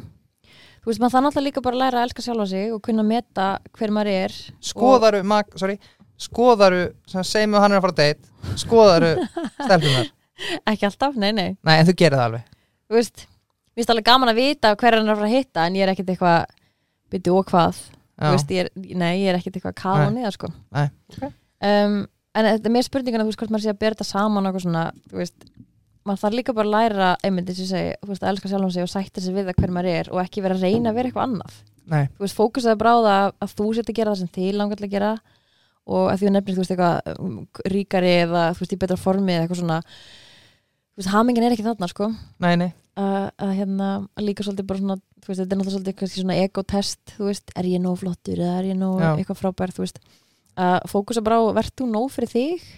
Og, og þú veist, verður með manneski sem þig langar til að vera með? Og þú veist, passaði að sambandi sem þú átt með henni sé virkilega gott veist, og að, að þú veist, þið elski hvort annað og vilji vera saman fyrir hver þið eruð en ekki hvað þið hafið að gefa eða þú veist, ekki hvað þú ert með í laun eða þú veist, hversu hot þú ert eða eitthvað. Og þú veist, ef að fókusin er þar Já. þá held ég að sé auðveldar að slaka á því ef einhver annar kemur sem er meira eitthvað. Já, en þú veist, svo er þetta líka bara einmitt, þú veist, þess að ég til dæmis lærði jóka og eitthvað svona, hefur úrslega mikið áhuga því. Maður minn er ekkert alveg að pepp fyrir því. Nei, þú veist, þannig að þá er úrslega næs fyrir mig að geta bara, ok, þá á ég bara aðra vini þú veist, eða hitti annað fólk sem að veist, ég deili þeim áhuga með. Og hann þarf ekki að vera eitthvað reyna að verða eitthvað ógæslega mikið jóki sem hann er ekki í veist, og þá bara eitthvað, ok, ég ætla bara að sætta með það að ég er, þú veist, mannskja sem ég er og þú getur bara haft gaman af því sem þú er gaman af með fólki sem að deilir því líka. Mm, þú veist, að slaka á þessu sem ég byrjaði með að segja að makiðin þurfa að vera allt fyrir þér. Ákveðlega Virkar virkar svona pólisambönd ef að annar aðalinn er bara í þessu og hinn er bara lóklokkur læs Já, þú veist, það, get, já, það getur algjörlega gert það. Um, það ég myndi ekki segja að það virki ef að bara ein mannskan hefur leifi til þess. Já, já, eru Eh, dæmið um það? Já, já, fólk reynir alls konar kjátt Já, en, hérna, en þú veist Já, ég meina það er alveg dæmi um það, það sem að þú veist, ein mannskan kannski hefur, þú veist, geðveikt mikil, mikla þörf fyrir kynlíf eða ógeðslega mikla félagstörf og vill bara endalst vera að hitta fólk og mingla eitthvað og hinn er bara, herr, ég er bara mjög glaður hérna með þessa bók Já. hjá mér.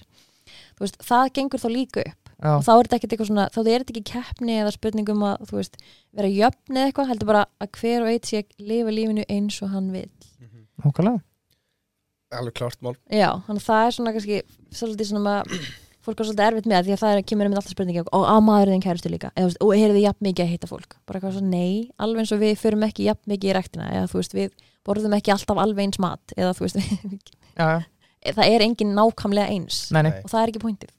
Mm, klálega Ég var að spá, sett, eins og ný, þegar þú varst 19 ára mm -hmm, og þú vissir að það hefði líka tilfengar til hvenna mhm.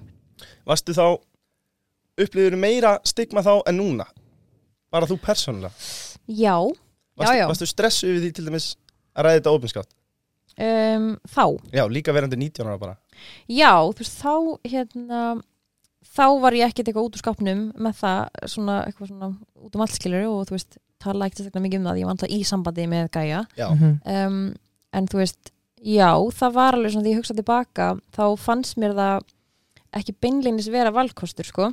Nei, og þú veist, það voru ekkert margar um, í mentaskólanum sem voru út úr skápnum þú veist, sem lesbjur það voru svona einhverja nokkrar, þú veist, og við rættum þetta alveg einhver svona hópur, þú veist, sem að vissum að við vildum líka vera með konum og hvað en þetta var ekki, ég myndi sér segja, mér fannst þetta ekki vera einhverja beint valkostur, þannig að mér fannst ekki bara svona ok, ef ég hætti með þér, þá bara fer ég að deyta einhverja píu. Þú veist, það var svona, hvernig myndi ég fara, ég veist hvað, hva, ég veit ekki alveg hvernig ég myndi gera það eða þú veist, það var ekki já, þannig að ég finn alveg mikið mun og þú veist, kannski þá var Tinder ekki endur að beint komið, sko. Nei.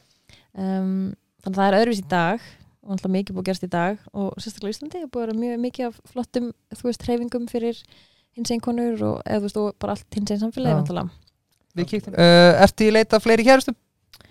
fleiri kærustum. Já. Ertu, Eh, er eitthvað umsóknarferli eða eitthvað? já, það er mjög stíft um svona ferli Er það ná sundur á sama vefsíðun eða?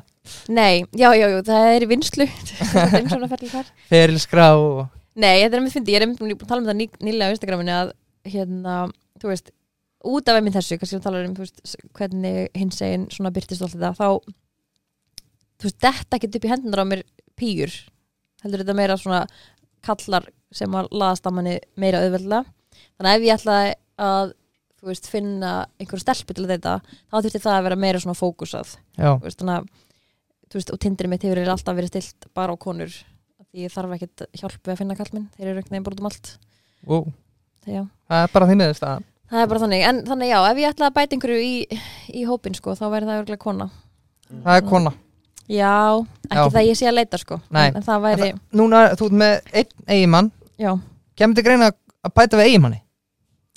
Sko, ég hef alveg sagt að ég myndi Má það á Íslandi? nei, Nei, það er náttúrulega kannski bara áttum máls hérna umræður sko. Má það einhvers staðar? nei, ég held ekki. Ég held að mig hvergi, já, já Kannski var, það Katar var eða reyndar eitthvað fjölkvæni eitthvað. Þannig Já, að það er bara bara- kallar þar er það ekki. Það er þetta önnur hérna, Já, önnur umræða. annar sko- þetta brot Já, já, já, já Nei, ég held, ég held þetta mögulega að sé búið löglega einhver staðar að giftast annari mannsku en, en ég hef alveg sagt að ég held, ég held ég myndi alveg gifta mig annari mannsku já. Þú veist, ég held að það væri bara annarnum til en ekki á Væri það löglegum kærastiðin? pappír. um, Þú veist, við erum ekki komin þangað í dag allavega. He doesn't qualify. Allavega, þú veist, við erum ekki þar núna sko. Nei, en ég, það væri, samt, ég held að væri golden að vera með þú veist, bæði eiginkonu og eiginmann þú veist, eiga bæði mann og konu. Það var enda mjög töff. Það væri geggja sko, þá myndi ég vilja þú veist að konan ætti eitt hús og maður ætti eitt hús, ég getur svona flakka á milli. Já, eftir hverju Það væri skemmtilegri draumascenaríó. miðstöð- Já, já, bara hver er alltaf betri mat þetta kvöldi, þú veist, eitthvað svoleiðis. Emmitt Það er Það er svo að vera aðeins- skilnaðabann Ríkja veist í mömmu og pappa Nákvæmlega. nákvæmlega, ég, ég sé það fyrir mér sko. Já, það já, ok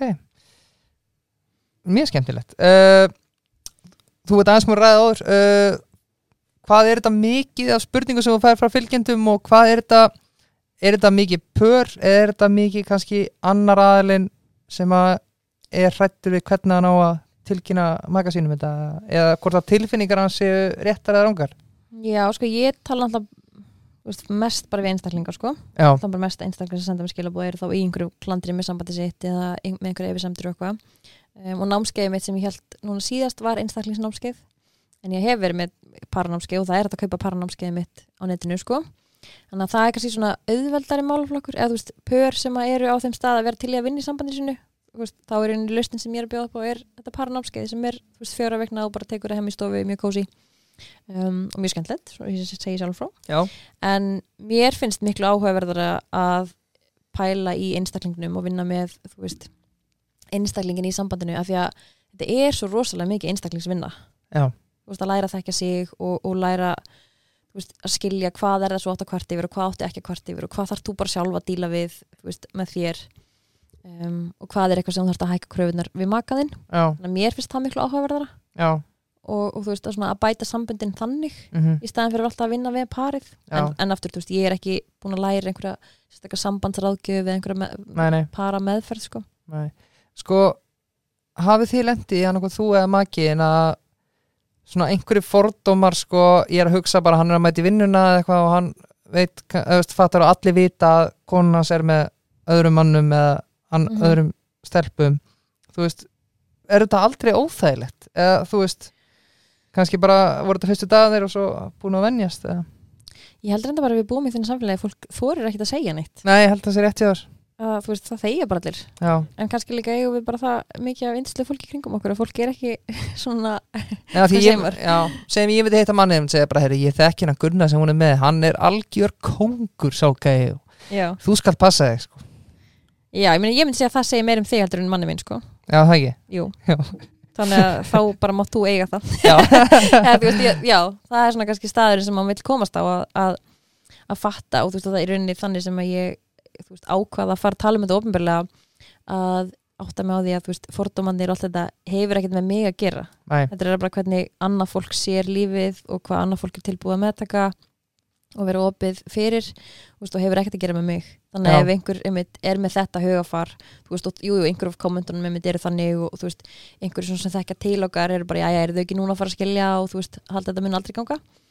Um, að þú veist, vita að það er bara þeirra vegferð, skilur eða þú veist, já, sem þau eru stödd sko. já uh, Leifu netgjurumenn, þeir vilja ekki bara hjálpa fólki að uh, kaupa sér hluti sem langar í og dreifa þeim þá þeir vilja líka spyrja bara uh, þú hefur talað um að makiðin á ekki að vera allt fyrir þér mm Hvað áttu, veist, allt, hvað áttu við? þú veist, sumir eru með þessa hugmynd að þú verði samband og þá eigið þið bara að gera allt saman veist, og því að ég hafa gaman af öllu sömu hlutunum og, og þú veist og þá bara alltaf vera æðislegt alltaf þú veist, og því og þú þarft ekki að hugsa mikið um hlutina eftir þetta. Mm og þú veist, ég var alveg þarna.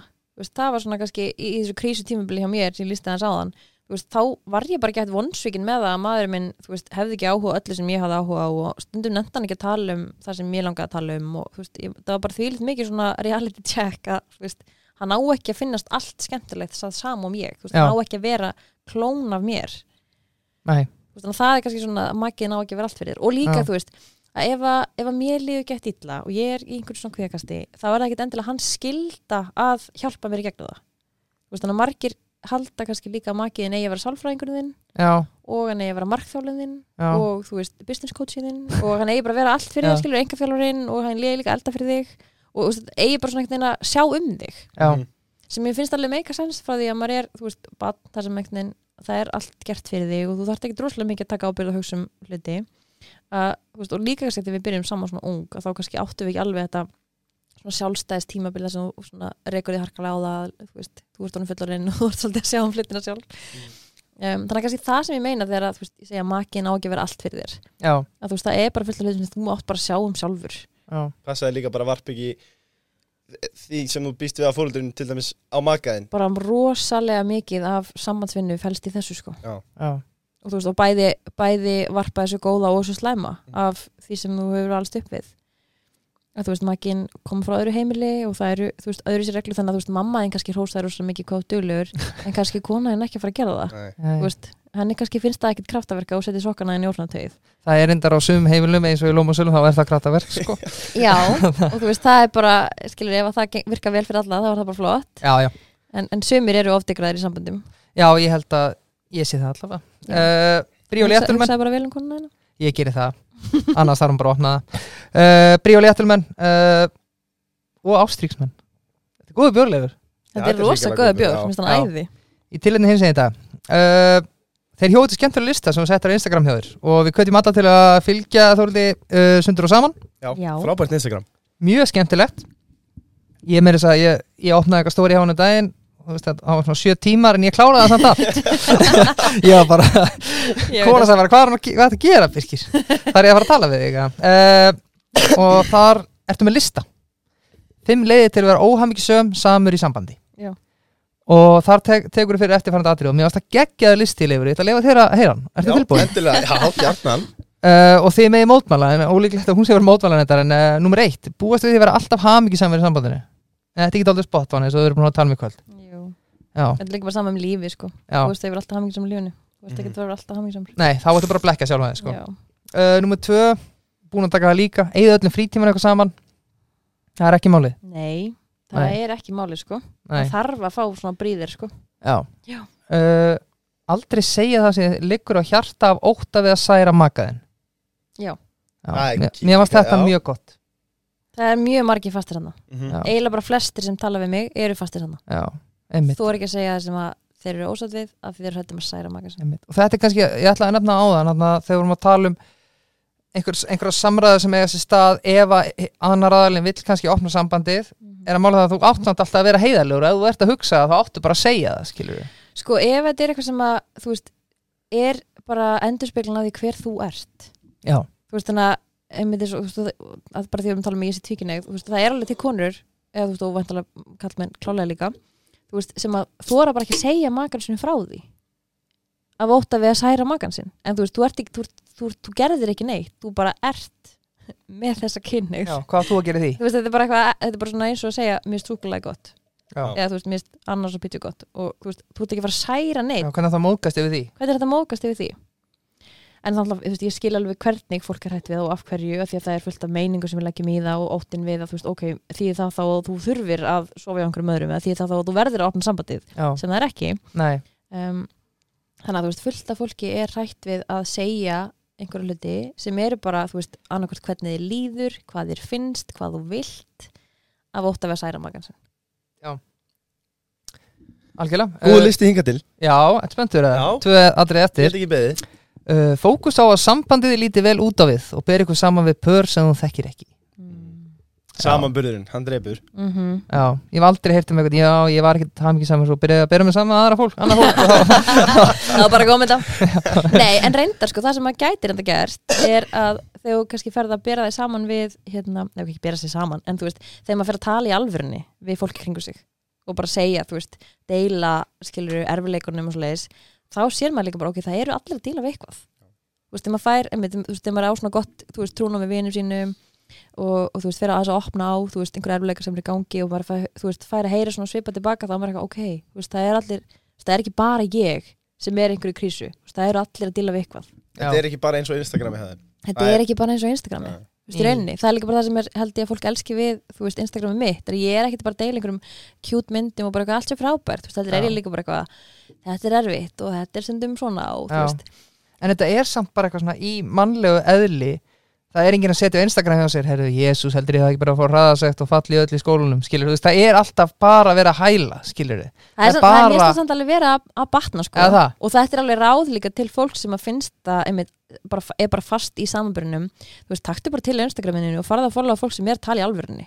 Já, Instagram er líka bara ungt fyrir bara Við erum bara að læra á þetta. Og það er alveg rétt að, að þú veist, fólk er átt að segja að þetta má vera ekki fullkomið á samfélagsmiðlum líka sko. já, já, já, já, nákvæmlega Mér finnst það er bara mjög fallið þróun á samfélagsmyndum sko. Það var alveg svona tímabil sem er kannski alveg ennþá Já, það sem allir var bara helviti samfélagsmynd að ég bara hættur á og Já. þetta er bara, það er ekkert gott sem kemur frá þessu. En eins og þessu COVID, veist, það var bara ógst að margt gott sem kom frá því, mynd að veist, vera bara að deila veist, bara basic hlutum, en líka bara með svona sitt hvað er erfitt og, og þú veist, að tala bara í alvörunni, Instagram. er svo næs. Algjörlega. Og seinast aðriðlega eru tilbúin að Já, uh, ætla til þess að magiðin sé hinn eini rétti og þar með fullkomin uh, Var þetta seinast aðrið er samt ekki eitthvað beauty við að er, er, er ég að miskilja að sambönd eru compromises, skilur þú ert með einhverju maka og þú elskar kannski gallanans líka skilur Mhm. eins og ég myndi ekki nenn að kona myndi vilja horfa fótballta með mér. Mér finnst bara frábært að ég geti verið að gera það einn skilur og hún, hún horfa á Lofaland og Bachelor sjálf skilur Mhm. þú veist, fattar hvert ég er að fara þú veist, makiðin þarf ekki að vera fullkomin en geti samt alveg verið nóg fyrir þig. Já, og sko, þú veist, hún er að lesa aftur hvað stóða það uh, ætla til þess að makiðin sé hinn eini rétti og þar með fullkomin Já, já, já, að að það sem ég held að fólk sko punkturinn þarna er, þú veist að ef að makin er ekki en að bara fullkomin, að þá Mm. er þetta ekki hinn eini rétti. Og halda, þú veist, já, þá ég að vera með einhverjum öðrum veist, og sömur þurfa bara með þetta að fara í gegnum kannski sjö sambandslið til þess að átt að sjá því já, ég er ekkert að fara að finna einhvern sem er fullkomin Nei. fattarðu? þannig að, jú, sambandi er nefnilega klálega kompromæs Mhm. þú veist, þú ert bara að fara að finna einhverja human mannesku Þetta eru bara samningavirðar og þetta, er- eða, já, þetta þurfir henni bara að vera samningavirður eða þú veist, maður átta sig bara á því, ok því ég finnst ekki gaman að fara fótbolta, gott mál þá ger ég það bara með vinum mínum já, og eitthvað annað. En svo líka, þú veist, eru kannski svona stærri hlutir eins og þú veist, því langar að búa í sveit já, því langar að mið, miðbænum. Einmitt eða þú veist, og þar er kannski kemur Mér meira mér eitthvað, þar kemur meira kompromæsið og það er einmitt, þú veist, mér finnst það kannski vera svona besta svari við spurningunni að ég, ég fæ einmitt svo bara óbyrði, varst þú ekki, var ekki þú sem stakst upp á því að opna sambandi, þú veist, þurfið ekki alltaf að vera 100% samstiga?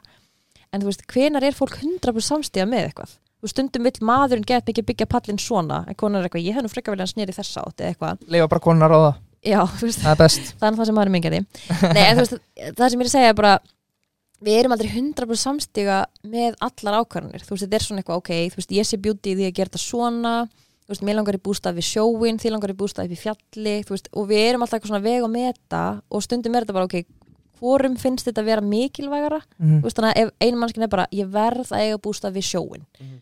og þá getur heim verið svona ok, fæn, Já, já, það skiptir mikið það miklu máli. Ok, glott, ég sé hvað það gleði þig mikið cool, en þú veist, með open samband þá, þá gerir mig grein fyrir að það er alveg svona aðeins annað kapitúli, sko. En þú veist, samt alveg af sama meiði. Þú veist, þannig að ef þú ert ekki eitthvað, þetta mun eiðilega líf mitt. Ég mun vera í konstant, bara ég mun vera bara með þú veist, kvíða og niðurgang alla daga yfir þessu, Já, þú veist, ef það er ekki alveg þar já. þá er kannski alltaf lægi að prófa það. Hva, En Hvað le- finnst þér, ég ætla að skjóta Já, þetta endilega. Hvað finnst þér erfiðast? Af því að monogami, það er ekki fullkomið. Við Nei. vitum það, og ekki heldur open samband. Nei, hvað finnst þér erfiðast við opin sambund? Úff, Góð það spurning finnst Leif. mér erfiðast.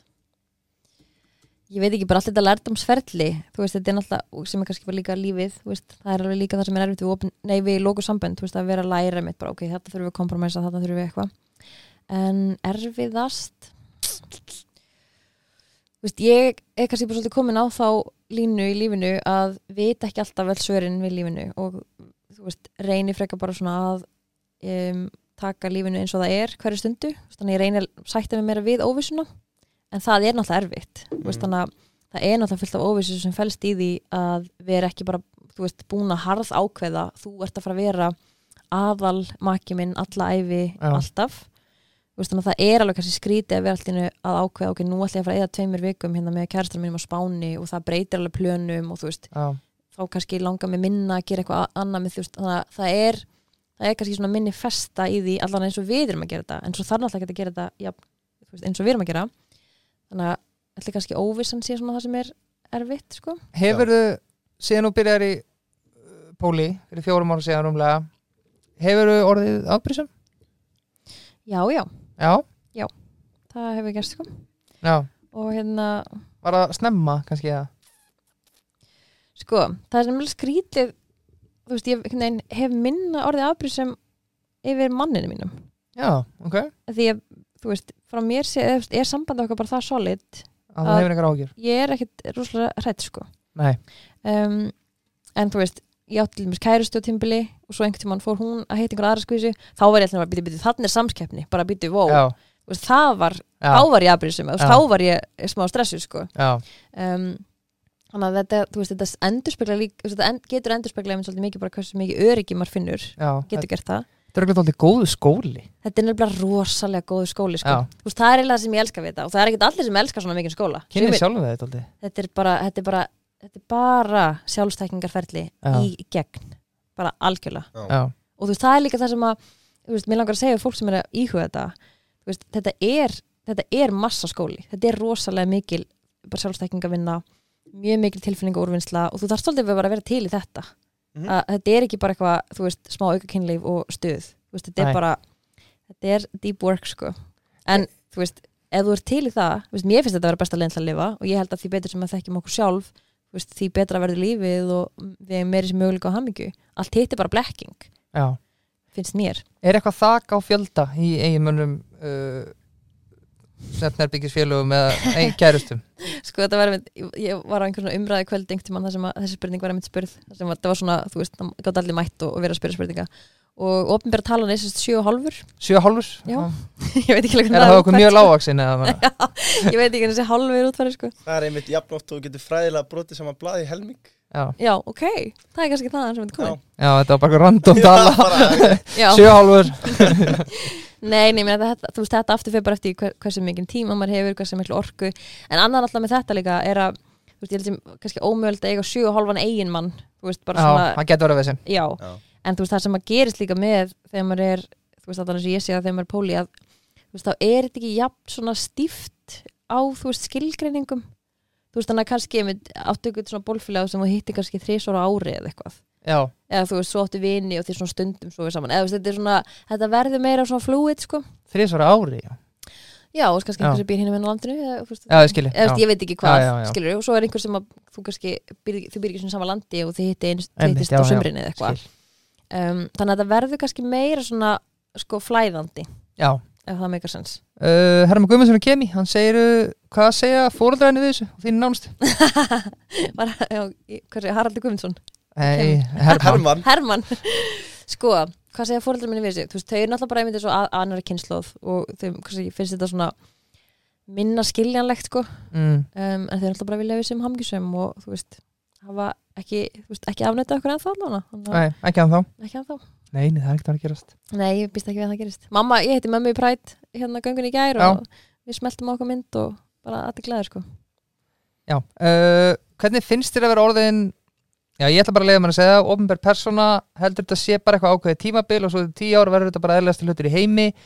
Uh, Hvort heldur að við ekki meiri eða minni áhuga uh, framtíðar maka hjá þér?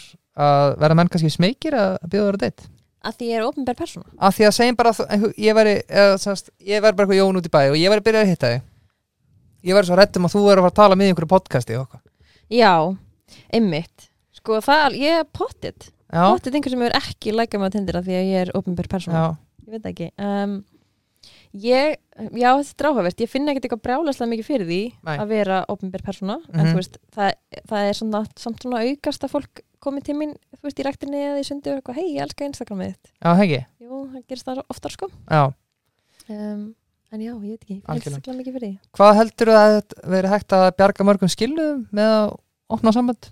Já, sko, ég held að sé hægt að bjarga uh, Hvað held ég að sé hægt að bjarga mörgum skilnaðum? Ok, kannski frekar bara að tala um hve, hvenar myndi opið samband bjarga skilnaði? Er það Já, kannski ég kannski ekki að nákvæma tölu, ég bara tala um Nei, já, þetta scenarjó Já, þú veist, það sem ég held og er markmiðið mitt kannski með þessu miðli er einmitt bara að opna umræðin um hv- hvað um, þú veist, hvaða óþarfu skilnaðir væri hægt að skilur bjarga með því að opna umræðina ekkert endilega með því að opna sambandið en eins og við tölum um áðan þú veist, opna umræðin um hvað má og hvað má ekki og, og þú veist, og svolítið svona hvað við að reyna þú veist, hvaða kröfur eru að setja á sambandi sem að er bara óreynhæft Já, ég held að sé, ég held að sé fullt af skilnaðum sem að eru óþarfir Mhm. um, en það kannski hefði náttúrulega þurft að þú veist, byrja þessu umræði svolítið fyrr áður en það er búið að valda fullt á særindum og áður en það er búið að valda fullt á klúðri. Um, um, ég get alltaf ekki sagt hversu mikla hversu Nei, nei, mikið af skilnaðum væri hægt að koma með fyrir með opnum samböndum. Já, en ég held alveg meira, ég meina þú veist bara hvað er mikið af framhjóldum sem að þú veist, gera verkum að fólk skilur og, og þú veist, hvort það hefði verið að bjarga því, ekki það ég held að þú veist, aðalmáli er alltaf bara að fólk hafi þroska og, og þólimaði til þess að eiga sér samtöl. Já. Uh, Algjörlega, er það samt þannig, ég er bara að pæla að segjum bara sem svo að nú er leifur á lausu og segjum ef að leifur myndi vilja fara er í búin að vera fyrstu síðast eftir leiki. 17 ár. Varst að þetta með henni. Ok, Þarna, ég hef ekkert um þetta að segja. Nei, nei, nei, nei. Uh, Er það samt máli fyrir hann að fara í póli frekar en að vera bara lausu og vera með öllum sem hann vil? sko það fyrir náttúrulega bara eftir hvað, hvað lokatakmarki hans er. Já, hvernig hann sér fyrir sér þú veist, hvort hann líði vel í bara lokuðu sambandi um, eða hvort honum finnist að tilhugsunni vera aðþrengjandi og hann vilji freka meira frelsi. Já. Þú myndir ekki vilja vera á lausu? Þú veist, mér líður náttúrulega stundum eins og ég sé á lausu þú veist, þannig. Já, um, eða, þú veist, ég, ég veit ekki hvað nei og líka erfið spurning út gift og ég er að spyrja þegar langar að vera laus Já. Ég tek, já. ég bara nei, einmitt. En hérna, Já, skilur hvað við samt já, en þessi samaburður þú veist, hver er munun að ég vera lausu eða vera bara póli um, hana, og sumir segja, þú veist eru póli, en að gerðslapa þanga til er finna einu rétti mannskina og eru síðan bara á föstu. Já, þannig að það er náttúrulega ekki genuinely póli sko. nei, um, já, ég held, ég held að snúist bara um þú veist, hvernig líður við tilhugsunum að vera bara með einni mannsku í sambandi? Og þú veist, þeir sem hafa kannski ekki upplifað mjög langt samband áður um, finnst það bara að vera mjög falleg og romantísk hugsun og vera bara eitthvað, já, ég myndi bara vera ánæður þar. Og svo Já. þú veist, stundum við svona, ok, talaðum eftir sjö ár. Já, skoðum þetta þá að því að þú veist, í byrjun alltaf hefur maður enga þörf fyrir annað fólk, þú ert bara einhver bleiku skíi og það er allt bara eðslegt og það er bara endalskynlíf og geði gleði, skiluru og svo svona með tímanum þegar þú ert kannski komin yfir þetta náttúrulega tíma, þetta er bara svona náttúrulegt hormón og tímabil sem er bara algjört craze. Svo þú ert komin yfir það og þú veist svona ríkið fellur og, og þú veist þetta fer alltaf að vera bara frekar venjulegt að þá kannski kemur einmitt inn aftur svona ok, heyrðu, það væri nú alveg gaman að hafa smá meiri spennu í lífinu eða smá meiri frelsi eða eitthvað. Og það gerist líklega líka í, þegar þú ert í póli að þegar þú ert að hitta eitthvað þá er Já. alltaf bleiku skíi fyrst Já, og svo hendur þú bara næsta gæja næstu gælu þegar það eru þreytt. Þú getur nýja. alltaf verið bara mjög hérna rótir að ljót- þóldi Já, getur verið svolítið brútal að gera það. Já, og það er nafn yfir þetta, þetta er New Relationship Energy. Já, NRE NRE Já, GT. mjög, mjög vel þekkt sko. Hérna, og þú veist, það getur verið óþólandi að vera mitt makin uh, á Já. hliðlinni sko, þegar að hérna, og makinn gaman fyrst Já, þannig að maður minni greið búin að upplifa þetta tvisar núna að fylgjast með mér, þú veist Ah. verða ógisla hrifin og verða bara eitthvað alveg hérna ringluð yfir einhverju annar mannsku sko. Ræður það við hann? Já, já, þú veist og það er alltaf bara fyrir ekkert að mynda mála Nei, ég er bara eitthvað svona, Já. ok, ég er ekki að spennt að fara eitthvað þú veist, Já. hérna um, það verður hann ekki afbrísam þá? Jú, jú, þú veist, hann verður alveg að brísamur ekkert eitthvað þá alltaf skilur hann kannski búin að leiða spólu eða eitthvað, eitthvað, horfa eitthvað kvöld nei, það var hitt að siggu kvöld Já, ég veist, við ræðum þetta allt vel og þú veist, þetta, þetta er svona þetta venst sko, líka beauty líka leiðu við ofin sambönd er að þá ertu búin að útöra okkur framhjáld Sko, eða er hægt að fram, já, halda framhjá í það er nefnilega hægt að halda framhjá þannig að, þú veist, fram, virkar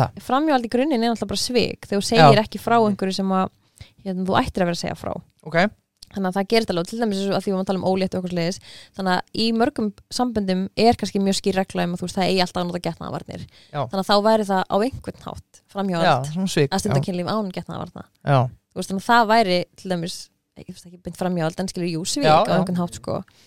Um, veist, samningsbrot. Já, samningsbrot. Veist, það er alveg til og ef minn þess að segja á hann, því fleiri reglur mm.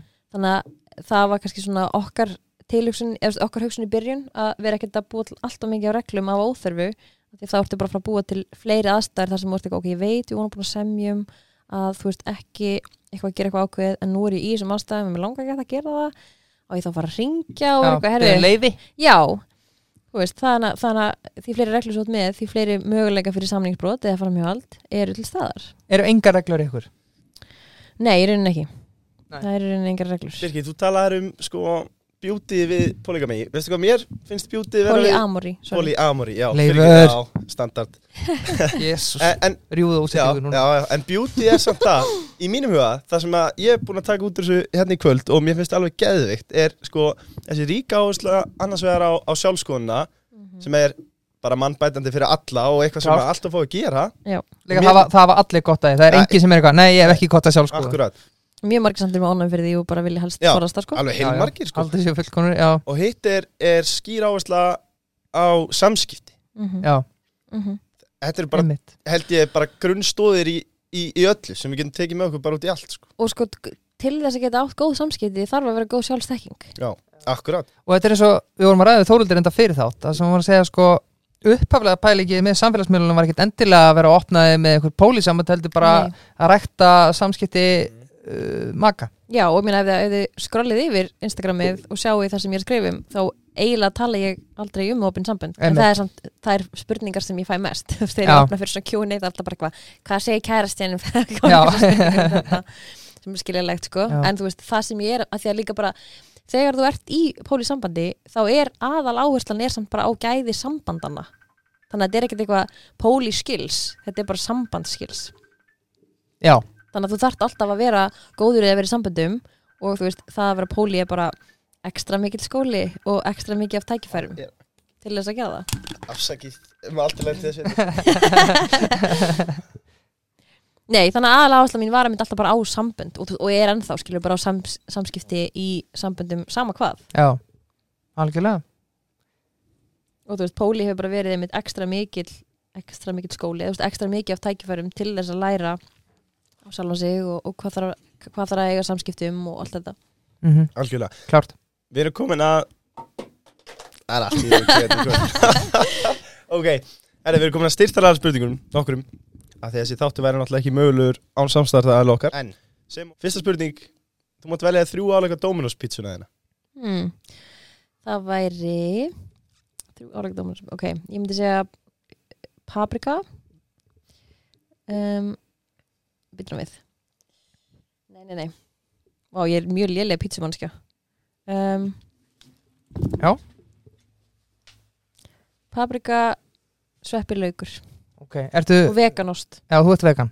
Ég er ekki vegan, ert ekki ég vegan? er með mjölkur ofnæmi. Já, já, er já, boring, ok. Það er miklu betra að vera vegan. Uh, Þú færð endalisa innegni í kemi. Hvað kaupir þér? Ah, shit, hvað er þetta að kaupa í kemi? Þú geti kæft þér til dæmis efnaskápa mm, Efna skápa, já, ok. En þú ert endur að sérpanta tunnutrillana sko. Eða geti fengið gírólíu á 145.000 krónur? Mm. Hún Með tekur efna gírólíu skápa hljóma svolítið spennandi. Já, það ekki? Jú, Já, ég held ég fari bara á efna skápana já Vangir að burger á Barjón Mósó Burger mm. Hvernig ertu næsta að færi skoðan hjá frumera? Herðu. Það er september. Ok, Já, meðum ekki klikka á því. Nei, nei, vannarslu gjaldi Já. 15 skall Uss. Óþara penningur Pappi minn var lengi að vinna að fremurja Það? Já Já, það er, það er stitt á hann fyrir þetta Þannig að það eru flýspessur í bústanum með fremurja og, og hérna alls konar Má ég fá þær? Rettró, sko mm. Uppáhald strikkur þinn fyrir utan bríu léttul uh, Ástryggur Peilel Já, laglegt Hvernig er Þetta er alltaf smá feimnismál Ég ætla bara að spyrja, er þetta eitthvað kassin á þessu? um, Sko, ég, já, ég er eitthvað fyrir hérna námskeiðin er og tímana. Hvað kost ef ég ætla að kaupa tíma hjá á morgun? Það er 22.000 Já, fyrir 75 mínúta spjall. Já, Takk. 75 mínúta bara hjartatengingu og ég er bara Já. að hlusta á þig og halda utan á þig og, og, ég segi þér ekki gjaflegur Já, algjörlega. Ég, 22 skall eða skilnaður? 22 skall Einmitt. mm. Nei, nei, ég er bara að finna leið núna til að, þú veist, lifa á þessu og, og gera það, þú veist, á þann hátt sem mér finnst ógæslega skemmtlegt og þannig ég geti bara gefið endalust að mér Já. Algjörlega, við stýðum því. Yes. Þú mátt velja þrjá hluti bónus. Það væru ferskar döðlur Já, um, havramjólk og neytismjör já, skemmtilegt Erum við að gera búst með þessu eða? Sko já, þetta er alltaf fyrir búst. Það er líka geggja að skera fersku döðlar í tvent setja neytismjör á Mm. og drekka með havramjólk Þetta er svona áðurinn fyrir að sofa svona trít sko. Vá, hvað Já. það hljóma vel. Þetta er, þetta er svo kósi Já. Þetta er Já. svona knús bara geggja Það er alveg mönns ég ætla, ég ætla að prófa þetta, ég lofa því. Já, mæli með. Um, Herriði, þá erum við komin að hraðaspurningunum. Vá, Komin í stellingar. Meðmyndi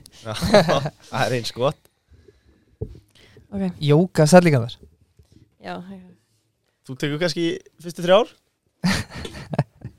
Uh, Skemmtilegasti núverandi mæki Óf, shit, kjartan. Kjartan, Já. kjari Það er bara Eh, þegar Ívar er á spáni. Já, já. Hvað er hann fættið spánar? Uh, finnst þér pyrrandi að vera þekkt sem gæla með marga maka? Frekar en bara Þórildur? Nei, nei. Nei, ok. Já, leifur? Uppáhaldstæður í heiminum? Mm, Barcelona. Um, Uppáhaldsmatur Guacamole. Finnast þið maki? Ívar. Ívar, já. Ættu Dreifa við, þessu ættu við Tessa Dark að opna sambandi okkar? Já, klálega. Er Það ekki, já. Jú, þeir eru efni í það. Syngja að tralla? Syngja. Önnur hobby fyrir ut- utan að eiga marga maka? Mála. Mála, já. Hvað er það mikilvægast í lífinu? mm, Kynlíf og hamingja Þetta er geggjað Jesus. svar. Vá, þetta er gott svar. Já, Ég er sama sammála Kári þessu. Stefs segði Já, þetta Ég hef talað samanlega kynlíf og hamingja? Helviti líklegt. Það er samt svarið sko. Þetta er mjög gott. Herðu, já, bara Takk kælega fyrir kvöldum ánægja og heiður að fá því þáttur í kvöld. Uh, Ég ætla bara að sláði föstu. Þetta var áhugaverðasti þáttur sem við höfum tekið upp. Í Já, alvörunni? Já, Vá ég, við erum búin að læra hellingin já, ég satt bara og hlustaði af því líkri ánægju. Að fætt tilkynningu eftir frá mér. Já, herðu, takk allir sem hlustuðu. Við sjáumst að viku liðinni. Takk. Takk fyrir mig